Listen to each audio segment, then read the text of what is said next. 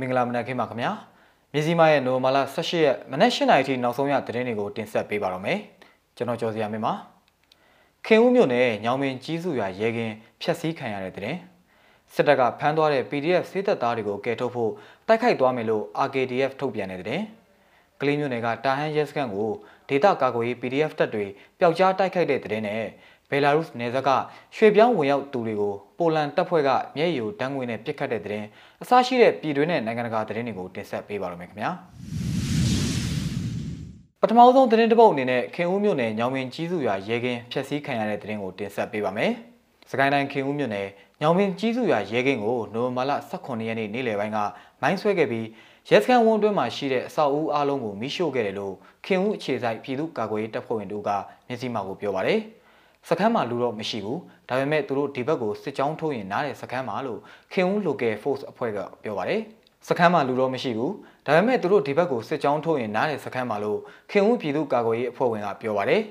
စကန်းကိုဖျက်ဆီးပြီးချိန်မှာအဲ့ဒီနေရာနဲ့တမိုင်ခန့်အကွာစစ်ကောင်စီတပ်ဆွဲထားတဲ့ရဲစခန်းကနေစစ်ကားလေးသီးထွက်လာခဲ့ပြီးအဲ့ဒီရင်နှန်းကိုလည်းတီးခြားပြည်သူ့ကာကွယ်ရေးအဖွဲ့တစ်ဖွဲ့ကမိုင်းဆွဲတိုက်ခိုက်ခဲ့သေးတယ်လို့သိရပါတ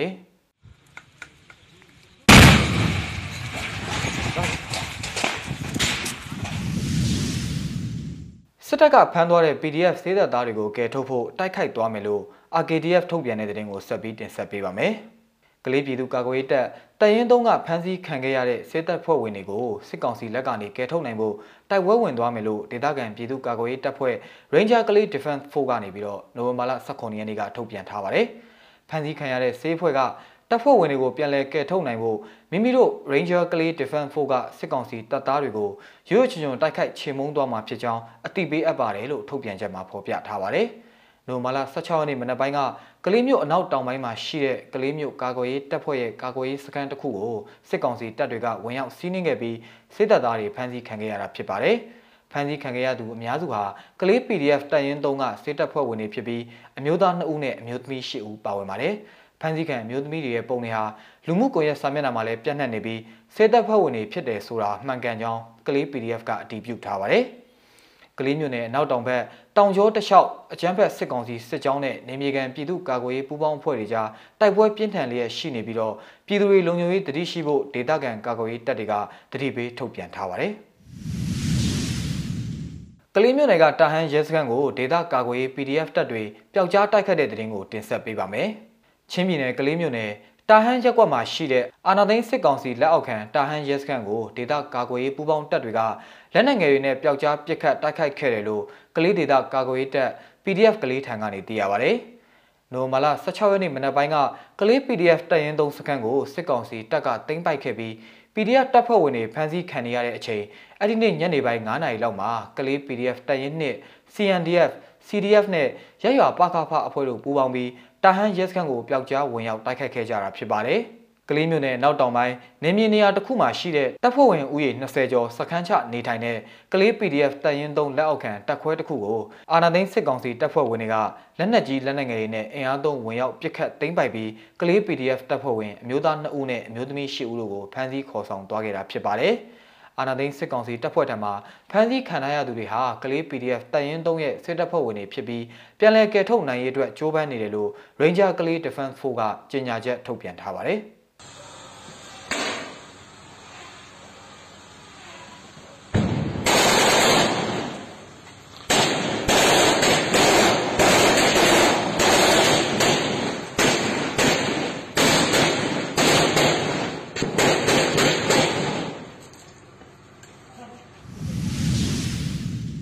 ဘယ်လာရုစ်နယ်စပ်ကရွှေပြောင်းဝင်ရောက်သူတွေကိုပိုလန်တပ်ဖွဲ့ကမျက်ရည်ကိုတန်းငွေနဲ့ပြစ်ခတ်တဲ့နိုင်ငံတကာသတင်းကိုလည်းတင်ဆက်ပေးပါမယ်။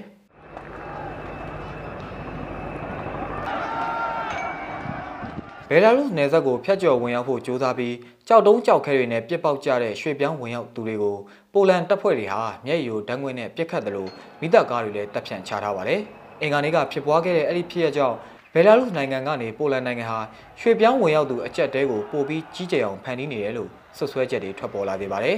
။ပိုလန်နဲ့ဘယ်လာရုစ်ကြားကနေဆက်မှာတဲစကန်ချနေထိုင်နေသူရွှေပြောင်းဝင်ရောက်သူပေါင်း4000လောက်ထိရှိတယ်လို့ပိုလန်နယ်ကြားဆောင်တပ်ကခန့်မှန်းထားပါတယ်။ရွှေပြောင်းဝင်ရောက်သူတွေအနေနဲ့အခြေအနေဆိုးတဲ့ဆိုးနေပြီးရေခဲမှတ်အပူချိန်မှာနေထိုင်နေကြရတာလည်းဖြစ်ပါတယ်။ ဘယ်လာရုစ်ခေါင်းဆောင်အလက်ဇန်နာလူကာရှန်ကိုဟာရုရှားကြောထောက်နောက်ကန်ဖြူရထားနိုင်ပြီးရွှေ့ပြောင်းဝင်ရောက်သူပြဿနာကိုတမင်ဖန်တီးတယ်လို့အနောက်အင်အားကြီးနိုင်ငံတွေကဆွဆွဲထားပါတယ်။ဥရောပသမဂ္ဂနိုင်ငံတွေစီဝင်ရောက်လိုတဲ့ရွှေ့ပြောင်းဝင်ရောက်သူတွေကိုဖျားယောင်းပြီးနေသက်စီပို့ဆောင်တယ်လို့ဆွဆွဲထားတာဖြစ်ပြီးဘယ်လာရုစ်ကရုရှားကပါဆွဆွဲချက်တွေကိုညှင်းဆန်ပါတယ်။ဥရောပအခြေစိုက်မျက်နှာစာကိုဖျက်တမ်းရာဘရူဂျီကူနီကာနယ်စပ်မှာပြီးခဲ့တဲ့သတင်းဘက်က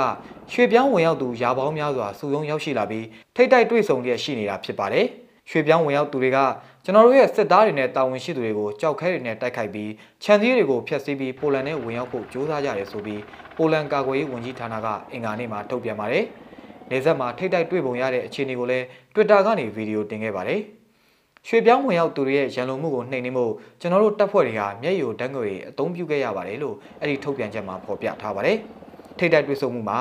ရဲတာဝန်ရှိသူတူ နေကြားဆောင်တပ်သားတူနဲ့စစ်သားတူတို့ထိခိုက်ဒဏ်ရာရတယ်လို့ပိုလန်တာဝန်ရှိသူတွေကပြောကြပါတယ်။ပိုလန်ဟာပြဿနာကိုပိုပြီးဆိုးဝါးအောင်လှုပ်ဆောင်နေတယ်ဆိုပြီးဘီလာရုစ်နိုင်ငံသားရေးဝန်ကြီးဌာနပြောခွင့်ရသူအန်တိုတာအိုလိုင်ဂလက်စ်ကဆွဆွဲပြောဆိုပါတယ်။ပိုလန်ဘက်ကရည်မှန်းချက်ဟာရှင်းလင်းလင်းပေါ်လွင်နေတယ်။အခြေအနေကိုဖြေရှင်းဖို့မကြိုးစားဘဲပိုပြီးပြင်းထန်အောင်လှုံ့ဆော်နေတာပဲလို့သူကပြောခဲ့ပါတယ်။မြစည်းမရဲ့နိုမာလာ18ရက်မနက်8:00နာရီအထိနောက်ဆုံးရသတင်းတွေကိုတင်ဆက်ပေးခဲ့တာပါ။ မြန်မာပြည်သူပြည်သားပေါင်းဘေးရန်တွေမျိုးမျိုးကနေကင်းဝေးကြပါစေခင်ဗျာ။